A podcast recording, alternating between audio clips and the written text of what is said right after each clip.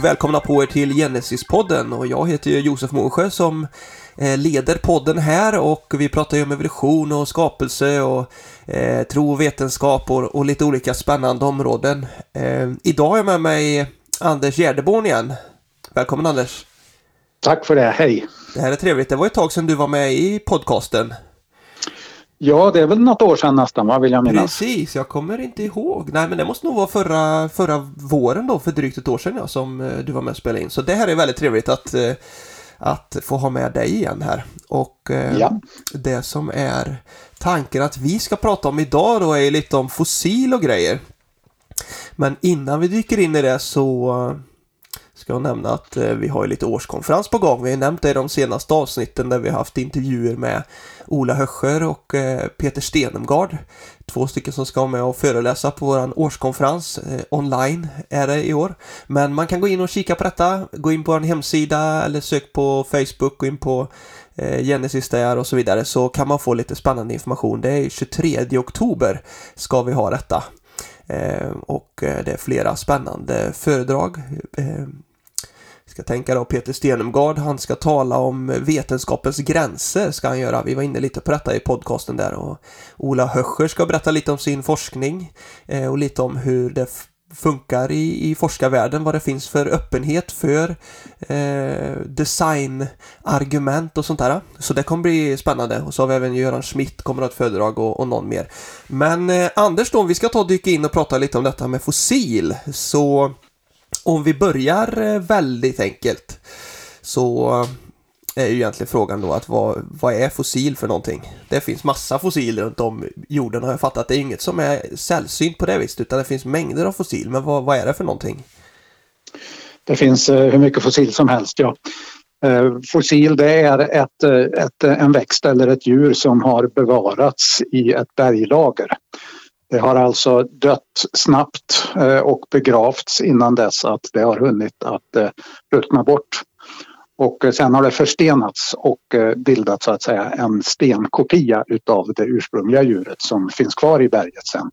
Precis, så det är ju inte, de här, det, är inte det levande material som är kvar va? utan det är ju eh... Oftast, oftast är det inte det. Det finns fossil som även kan bevara en del levande material. Eh, men oftast är det att det förstenas så att det är, det är olika mineraler alltså som fossilet är uppbyggt utav.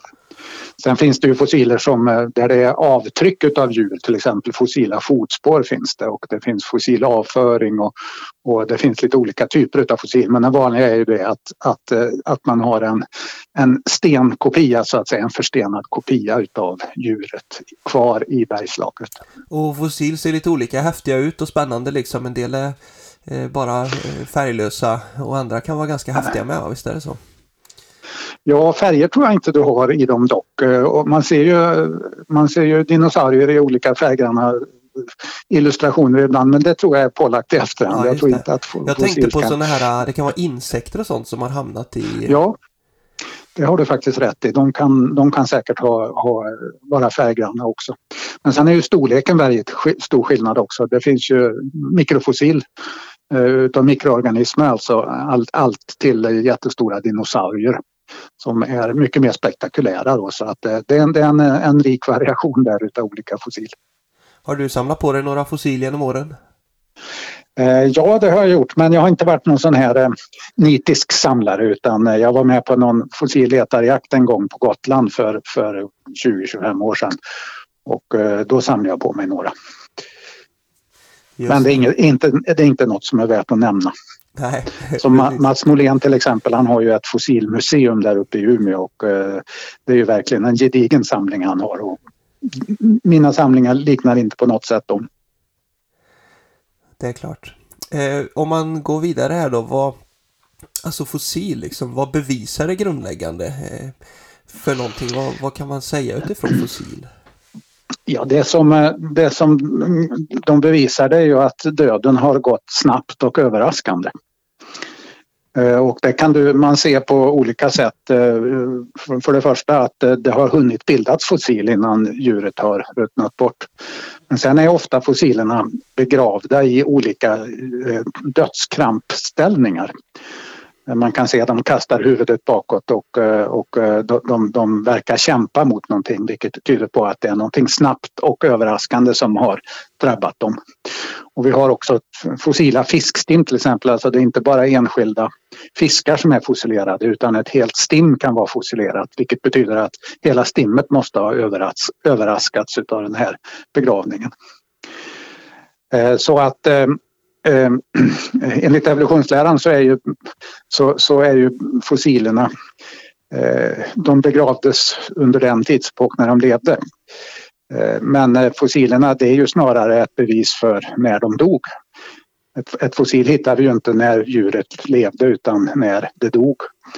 Och eh, eh jag tror inte då att de flesta fossilerna är från en lång utveckling utan de är fossilerade under en, en världsvid översvämningskatastrof helt enkelt som har begravt dem ungefär samtidigt över hela jorden. Och det är syndafloden jag tänker på då förstås. Precis, och det är klart det, så tänkte kristna tänkte så, eller alla på, i västerlandet tänkte så fram till 1800-talet eller något sånt där. Och sen så har det... Ja, eh, jag tror det började i slutet på precis, det, det började i slutet på 1700-talet tror jag genom en som hette Lyell om jag kommer ihåg det rätt. Eh, där man bröt paradigm kan man säga.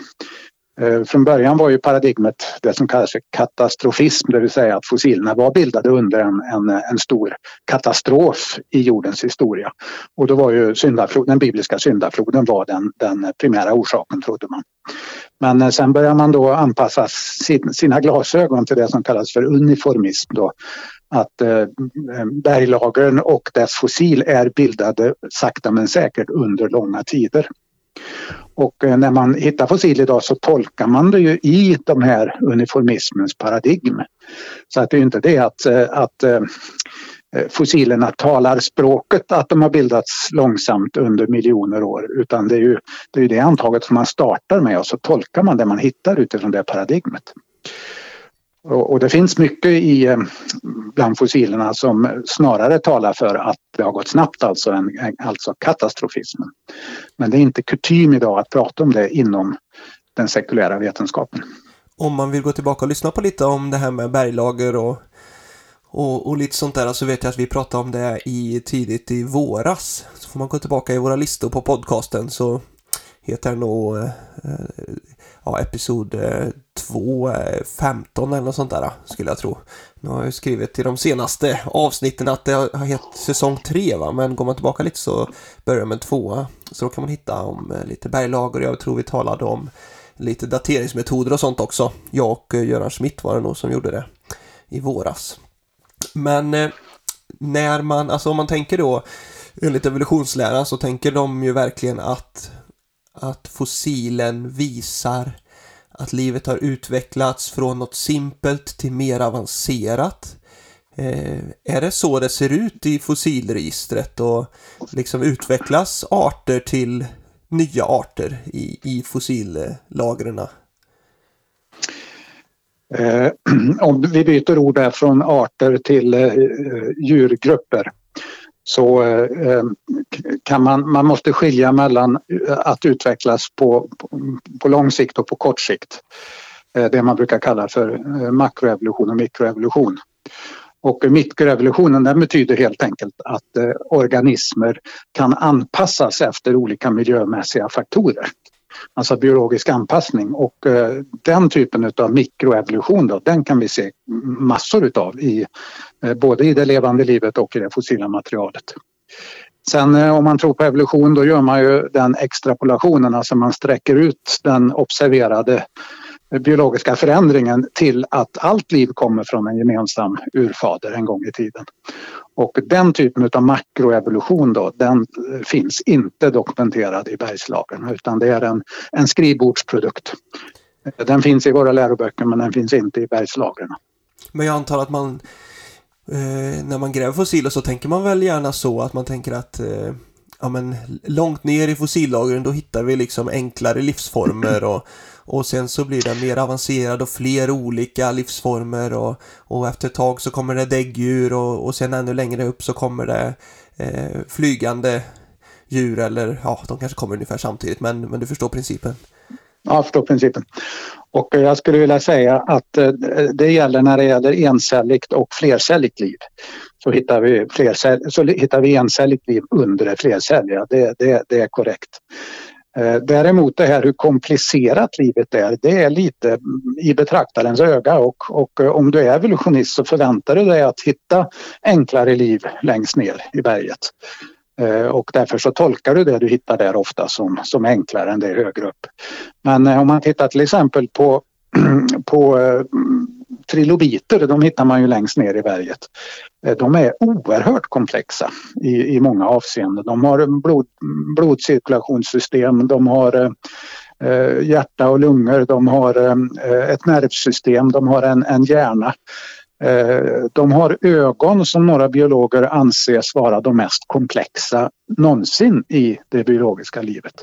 Så att ögon hittar du alltså den mest komplexa formen längst ner i berget. Så att eh, det här med att det blir mer komplext ju högre upp du kommer, det är, det är inte entydigt så på något sätt. Men det dyker ju i alla fall upp nya livsformer, eller vad man ska säga. Va? Däggdjur finns ju inte längst ner i de här eh, fossillagren. Eh, nej, det är korrekt, men, eh, men eh, man kan säga det att det finns något som man brukar kalla för den kambriska explosionen eller biologins Big Bang. Och det är det att i det bergslaget som ligger längst ner, då är vi det som kallas för prekambrium. Eh, där hittar man i princip inget flercelligt liv alls utan det är enkla eh, bakterier mikroorganismer. Och grejer, alltså bakterier och sånt, ja, alger och sånt. Eh, sen i, i nästa lager då som ligger ovanför prekambrium, och det är ju kambrium då, då dyker alla livsformer upp eh, samtidigt i princip. Och med, samtid och med livsformer menar jag då kroppsarkitekturer. Det är det som eh, biologerna kallar för olika stammar utav djur. Alltså alla arter dyker absolut inte upp där i, i, i Kambrium. Men alla huvudtyper av djur, alltså alla stammar utav djur. Och stammar det är till exempel en, en, en sjöstjärna är en stam. Eh, ett ryggradsdjur är inte en egen stam utan det kallas för ryggsträngsdjur och de finns där nere i Kambrium. Och sen har vi tagghudingar och vi har blötdjur och så vidare. Det är olika exempel på stammar. Och eh, de ser man ingen som helst utveckling till. Det finns alltså inget, om man gräver sig ner under, eh, alltså från Kambrium ner i Kambrium, i prekambrium, för att hitta förfäderna till de här snabbt uppdykande stammarna så hittar man absolut ingenting. Det finns alltså inte en halv sjöstjärna där eller ett halvt ryggsträngsdjur eller en halvt blötdjur. Utan blötdjuret är 100% komplett blötdjur från dag ett då ner i det som kallas för kambrium. När du säger halv här va, då är det inte att den är skuren på mitten utan halvutvecklad? Nej, exakt. Ja. Exakt, det finns inget eh, det, eh, det finns inga halvfabrikat om man säger så utan eh, stammarna de är fullt färdiga från början. Sen genom historien, eh, alltså ovanför eh, Kambrium då i de här lagren så kan man ju se en, en, en förändring på blötdjuren och, och sjöstjärnorna till exempel. Men de blötdjur och de sjöstjärnor vi hittar idag de är 100% blötdjur liksom de var i Kambrium i det lagret där nere.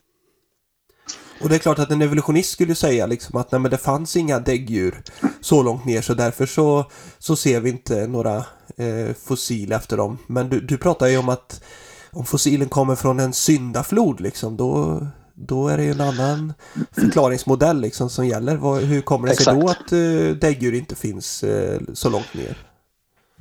I, I den modellen, i syndaflodsmodellen, så eh, sker ju avlagringen nerifrån Kambrium upp till idag eh, väldigt snabbt. Det rör sig om veckor kanske under den här syndafloden.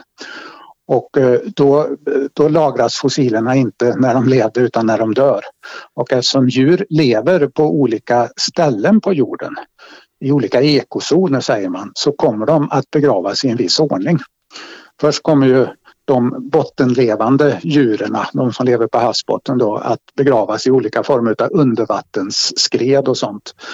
Eh, och sen kommer fiskarna att begravas och sen när världshaven börjar strömma in över kontinenterna då kommer de djuren som lever i gränsområdet mellan, mellan land och vatten att begravas. Och där hittar vi ju paddorna och, och reptilerna och dinosaurierna.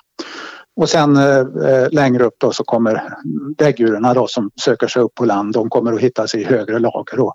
Och fåglarna de lyckas hålla sig flygande ett tag. Eh, och dessutom så kan de flyta på vattnet för de har ihåliga skelett vilket gör att eh, fåglarna hittar vi högt upp. Så att det är en eh, bättre förklaring menar jag än eh, den evolutionistiska förklaringen på fossilens ordning. Och det finns ju säkert jättemycket spännande läsning om eh, om sådana saker, om en utvecklad modell liksom kring ja, eh, syndafloden. Ja, ja. Det står ju inte så mycket vilja... i Bibeln, det är ju bara något kapitel va? Så vi, vi har inte någon utförlig beskrivning om hur djuren sjönk eller där de dog och så vidare. Men det är klart att det går ju verkligen göra en modell av det hela, där man förstår hur det skulle kunna skett. Bibeln är ingen lärobok i naturvetenskap så att det står väldigt lite om det här men det lilla som står eh, det stämmer ju med naturen. Eh, Bibelns syfte är ju att beskriva Guds frälsningsplan och hur vi människor får tillbaka vår, vår relation med Gud. Det är ju Bibelns huvudsakliga syfte. Men för att nå det syftet så har ju Bibeln en reell historiebeskrivning. Och även de naturvetenskapliga bitarna utav den historiebeskrivningen stämmer ju med verkligheten. Får jag, vi... får jag säga en ja, sak fortsätt. till när det gäller äh, det här med att däggdjuren äh, hittar vi högt upp. Ibland så hör man från evolutionistiskt håll att eh, om vi skulle hitta en kanin nere i Kambrum, alltså längst ner i berget där, eh, så skulle vi motbevisa evolutionsläran. Eh, och, eh, vilket inte stämmer för att, att vi hittar kaniner relativt högt upp det, det, är inget som man förutsäger utifrån evolutionsläran utan det är en observation. Så vad man gör i evolutionsläran är att man hittar kaniner högt upp och andra däggdjur högt upp. Och så eh, ritar man sitt evolutionsträd utifrån det faktumet.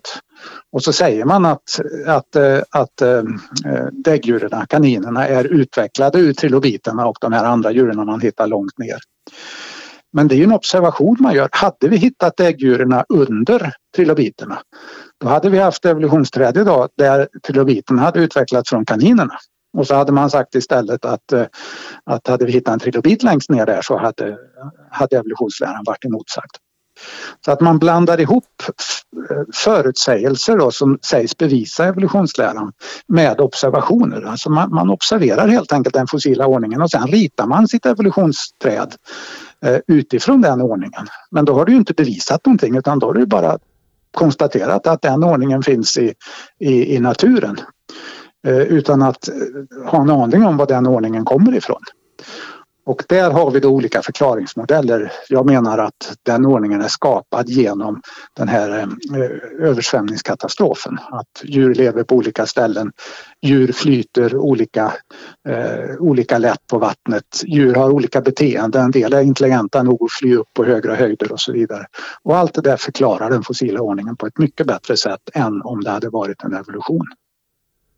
Och visst är det så, om inte jag kommer ihåg fel så när man har grävt upp mer och mer fossil genom ja, de senaste 150-200 åren eller vad det kan vara så har man ju insett att många eh, fossilgrupper eller djur eller vad man ska säga de eh, finns under mycket längre tid än man först trodde liksom. Många har man hittat tidigare eh, än vad man först gjorde.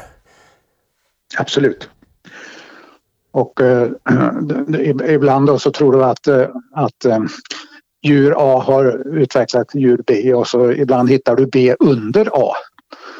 Och eh, då får man ju rita om sina evolutionsträd och det sker dagligen och stundligen. Jag vet inte hur ofta jag läser i, i, i, i tidningar och så vidare att det här fyndet förvånar forskarna, står det. Därför att du, du hittar fynd som går emot den tidigare tron på hur evolutionen har gått till. Men det betyder inte att man överger tanken på evolution utan det betyder om att du ritar om ditt evolutionsträd. Så vad du än hittar så passar det i teorin bara genom att rita om evolutionsträden och det sker dagligen och stundligen. Om man då, nu kanske vi kommer till detta igen Anders, jag vet inte men eh, en sån här liten krass fråga då. Alltså skulle du säga att det, det finns inte mycket i, i fossilregistret som tyder på gradvis evolution? Eh, när det gäller den här eh, makroevolutionen då, alltså från bakterien till människan, så finns det ingenting i bland fossilerna som tyder på det.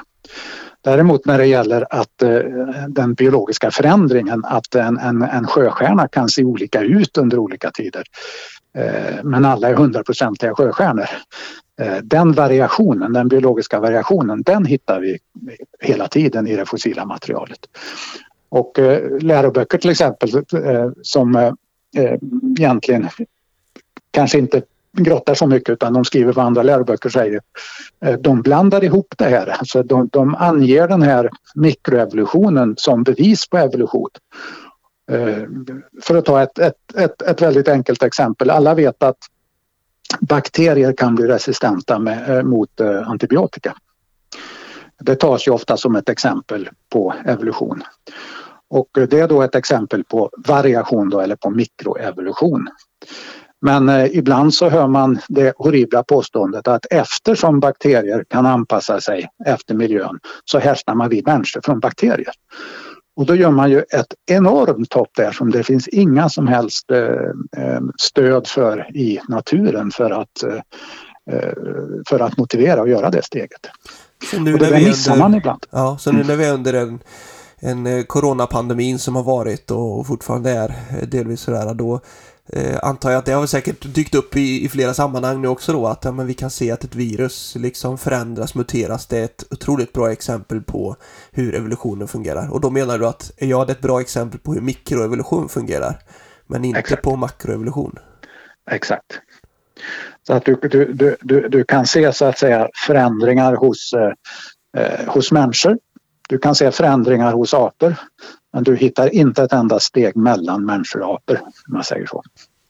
För det är ju, eh, om vi, om vi hoppar in i, i fossilen igen här då, att det är klart om evolutionen hade gått från bakterier till människor eller liksom utvecklats storskaligt, makroevolution, då borde man ju hitta, hitta sådana gradvisa eh, utvecklingsserier. Övergångsformer Precis. är ett eh, ord man använder för det. Alltså att man ja. skulle kunna se övergång från fiskar till eh, landlevande djur till exempel. Men, ja. eh, men det saknas, eller hur är det? Eller finns det mycket sådana bevis? Ja, där finns det också en, en, en begreppsförvirring. Eh, man pekar ofta på att man har mellanformer mellan olika grupper av djur. Eh, och det är korrekt, det finns mellanformer. Men eh, vad en evolutionist behöver kunna visa det är inte mellanformer utan det är det som du kallade för övergångsformer. Och det där kanske tarvar en förklaring men, men eh, eh, övergångsformer skulle bevisa evolution. Och en övergångsform det är alltså föräldrar barn, föräldrar, barn generationer. Föräldrar barn förändringar i flera generationer. Man kan alltså se att de här föräldrarna får de barnen, får de barnen, får de barnen. Alltifrån fisken till fyrfotadjuret i ditt exempel här. Va? Eh, men eh, du hittar alltså inte den sekvensen utan vad man hittar det är ett antal fullt färdiga djur. Till exempel fiskar och, eh, och fyrfotadjur. Sen hittar man inte en övergångsform nu utan en mellanform. Alltså man kan hitta ett djur som till viss, i, i vissa eh, egenskaper liknar det en fisk och i andra egenskaper liknar det en, eh, en, ett landlevande djur. Aha, en, en, en mellanform säger man. Och det är en mellanform, ja, men det bevisar ju inte att den ena har utvecklats till den andra utan du, du behöver ju hitta, eh, alltså vad du hittar det är syster och kusinrelationer. Om nu utvecklingen hade skett. Alltså du hittar en, ett, ett djur som skulle kunna vara kusin i många led med både fiskar och landlevande djur. Men vad du behöver hitta det är den gemensamma förfadern till både fiskar och landlevande djur. Det är alltså övergångsformerna du behöver hitta, men du hittar bara mellanformerna. Jag kanske inte riktigt hänger med då, men om vi förklarar. Är det alltså, du menar att de här, beror det liksom på vilka lager man hittar dem? Eller vad är det som avgör om de är kusiner eller eh, föräldrar till olika? Eh, låt, låt, mig, låt mig ta ett exempel så, så kanske jag, inser, jag, jag förstår att det här inte är så lätt att hänga med på. Eh, låt mig ta ett exempel. Eh, förut när jag gick i skolan då var det okej okay att säga att människan härstammar från apan. Men det får du inte säga idag utan du måste säga att apa och människa har samma gemensamma förfader. Och vem är det då? Ja, det är det ingen som vet. Så att människan och apan har ju stora eh, biologiska likheter, absolut. Men eh, för att kunna visa att eh, den ena har inte utvecklats ur den andra, det har man förstått. Det tror inte ens en, en evolutionist idag. Utan istället så har du flyttat beviset till en hypotetisk gemensam förfader. Alltså att det finns en, en gemensam förfader menar man som har utvecklats både till människor och apor. Men du behöver inte kunna hitta den gemensamma förfadern i det fossila materialet för att man ska tro på din tes. Alltså att du har gjort de här övergångsformerna, föräldrar-barnrelationerna har du gjort hypotetiska. Eh, Eh, men man borde, man borde ja. väl hitta en massa förfäder i, i fossilregistret, eller? Borde man inte Absolut, det? det borde du. Men i princip har du slutat att leta för att, att hitta förfäder just därför att du inte hittar dem. Utan man har, byt, man har ändrat systematiken. Darwin han, han, han letade föräldrar barn i något som kallas för filogenier eller filogram. Ett filogram är ett äkta utvecklingsträd där du har förälder-barnrelationer utefter grenarna. Men idag har du i princip slutat att skapa filogram för att du hittar dem inte. Utan man pratar om kladdogram istället. Som mer, det är inget utvecklingsträd utan det är mer ett klassificeringsträd. När du klassificerar organismerna efter, eh, efter vissa egenskaper de har och sen antar du hur de egenskaperna har utvecklats. Så att Darwin han ritade äkta utvecklingsträd men han hade ju inga fossila bevis så att han fick ta hypotetiska arter. Idag är det precis tvärtom. Idag har vi en massa arter och en, en massa fossil. Men idag har utvecklingen blivit hypotetisk istället. För, för att, att de inte ändrat... passar in, alltså de man hittar? Nej, alltså du byter, du byter vetenskaplig metod för, för att leta efter, eh, efter föräldrabarn som Darwin gjorde. Så letar man efter syskon och kusiner idag och antar föräldrarna. Eh, och det, och, och, och, det beror på att, menar jag, att man, man inte hittar föräldrabarn annat än i den här mikroevolutionen. Där kan du hitta det. Men Eh, du, du, du hittar alltså inte människans och apans, eller du hittar inte um, hur apan har utvecklats till människa. Det hade varit ett fylogram. Istället så säger man idag att uh, apan och människan står parallellt med en gemensam ur, urfader som är hypotetisk. Det är skillnaden. Mm. Och vad, vad, tyder den här avsaknaden då på att, det, att, det, att det inte finns några föräldrar-barnrelationer i det fossila materialet. Du hittar dem inte annat än för, jag vill betona hela tiden att du hittar den ju i, eh, i liten skala i det här som jag kallar för mikroevolution. Men du hittar den inte mellan fiskar och landlevande djur. Du hittar den inte mellan, eh, mellan ödlor och fåglar. Du hittar den inte mellan apor och människor. Och det pekar då på att, att Gud måste ha skapat färdigt det blir den, eh, den kristnes ja, svar då kanske? Ja, eller att, eh, att, eh, att, att blanda in Gud får man inte göra vetenskapligt men om, du, om man begränsar sig till vetenskapligt resonemang så tyder det på att, att djurgrupperna fanns färdiga från början utan mellanformer, utan föräldrar och barn. Och som kristen tror vi att det beror på att Gud skapar dem sådana. Just det. Är det, tyder allting på, alltså vi har pratat lite om, om eh, dateringsmetoder och sånt sa jag här innan. man får gå tillbaka i våran, eh, våra poddavsnitt och kika. Eh, men eh, alltså tyder allting på att eh, fossilerna är årmiljoner år gamla? Vi nämnde lite detta om i förbifarten bara förut att alla fossil kanske inte är så förstelnade som eh, de borde och sådär, eller hur är det?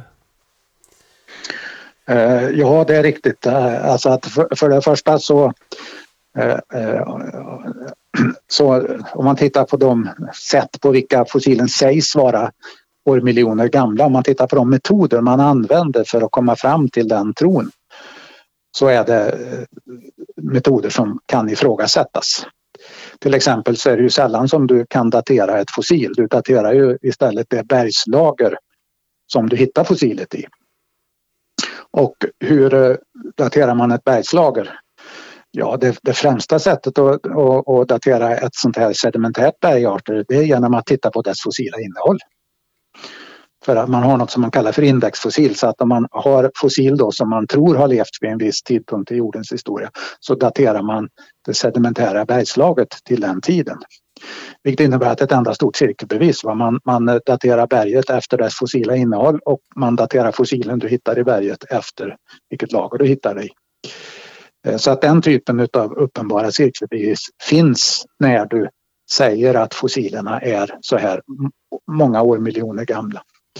Sen finns det då andra evidens som har dykt upp de senaste 20-30 åren som faktiskt är väldigt svårt att förklara om fossilerna skulle vara så gamla. Till exempel som du säger att man, man, man har hittat mjukdelar utav fossil.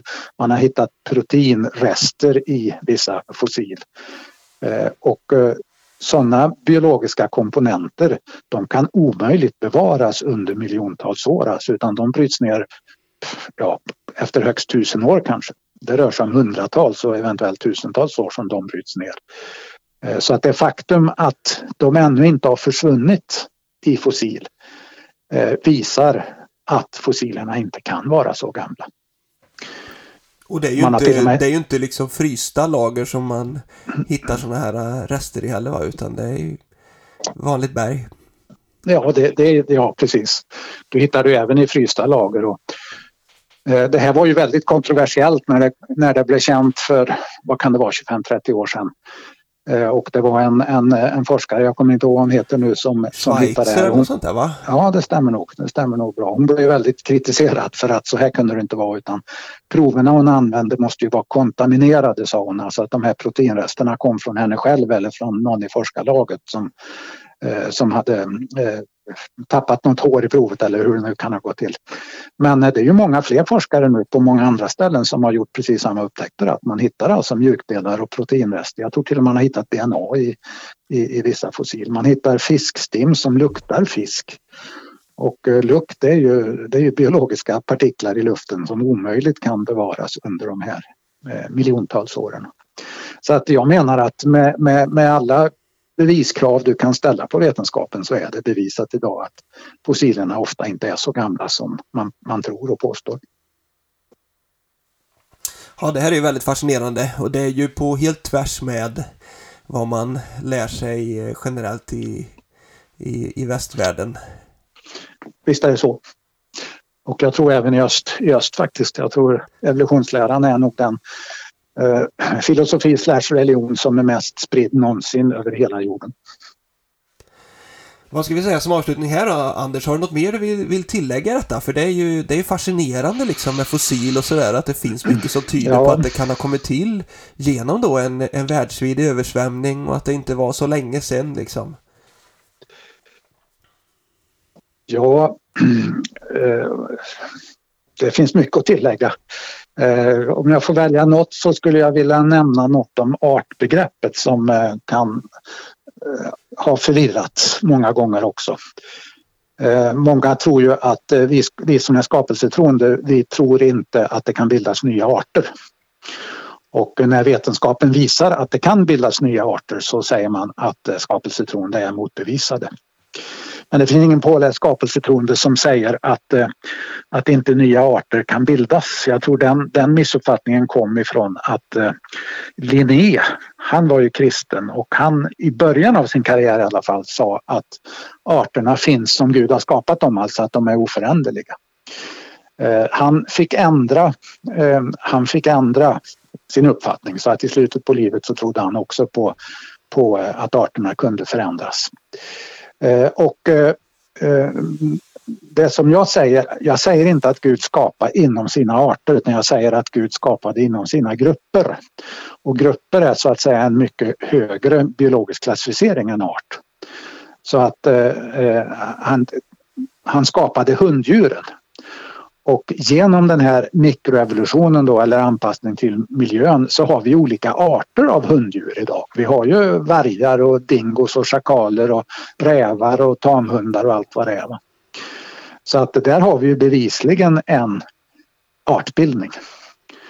Eh, men eh, eh, så att vi, vi, får inte göra det här begreppet art så heligt för att art är ju en konvention vad man bedömer som art eller inte. Det finns en del forskare som, som kallar vargen för en egen art medan andra forskare säger att hundar och, och, och, och vargar är samma art till exempel för de kan under vissa förhållanden korsas med varandra. Så att låt oss inte fastna på artbegreppet och att en skapelsetroende tror att arterna består för att det gör vi inte. Arterna kan förändras. Det som består det är de här skapade slagen. Som när Gud skapar så skapar han hunddjuren för sig och kattdjuren för sig. Sen har vi olika hunddjur idag, vi har olika kattdjur men det finns inte en enda hundkatt idag. Alltså art, eh, de här slagen, skapade slagen, de består. Men inom varje slag så visst kan det ske en artbildning. Och det blir återigen liksom detta som du sa förut kring mikro och makroevolution. Liksom att, exakt. Att mikroevolution, att det sker små förändringar som leder till viss eh, variation. Då. Det är inget konstigt, men det har tydliga gränser. Exakt. För att ta det här exemplet då att, att, att vi kan se att hunddjuren utvecklas och att vi kan se att kattdjuren utvecklas betyder inte att hundar och katter i sin tur har en gemensam förfader. Absolut inte. Trevligt att eh, samtala om detta. Vi får eh, eh, säga till våra lyssnare att man får gärna skicka in några frågor och sånt där. Det gör man till eh, podden genesis.nu, podden med 2D. Eh, kommentarer och frågor och sånt som eh, man tycker att eh, det här glömde ni ta upp eller vad tänker ni om det här? Så Får vi se vad det kan dyka in där framöver. Eh, jag kan ju nämna till eh, slut här också att vi vill ju jättegärna så får man ju gå in och prenumerera på våran eh, tidskrift, tidning. Genesis. Man går in på vår hemsida genesis.nu så finns det information där. Det är, vi ger ut en tidning fyra gånger per år. Ni har säkert koll på det, många av er. Men se till att bli prenumerant så får man lite spännande och trevliga grejer som dyker ner i brevlådan emellanåt. Tack så mycket Anders för eh, det här avsnittet. Tack ska du ha. Och ha det bra med er allihopa. Hej då.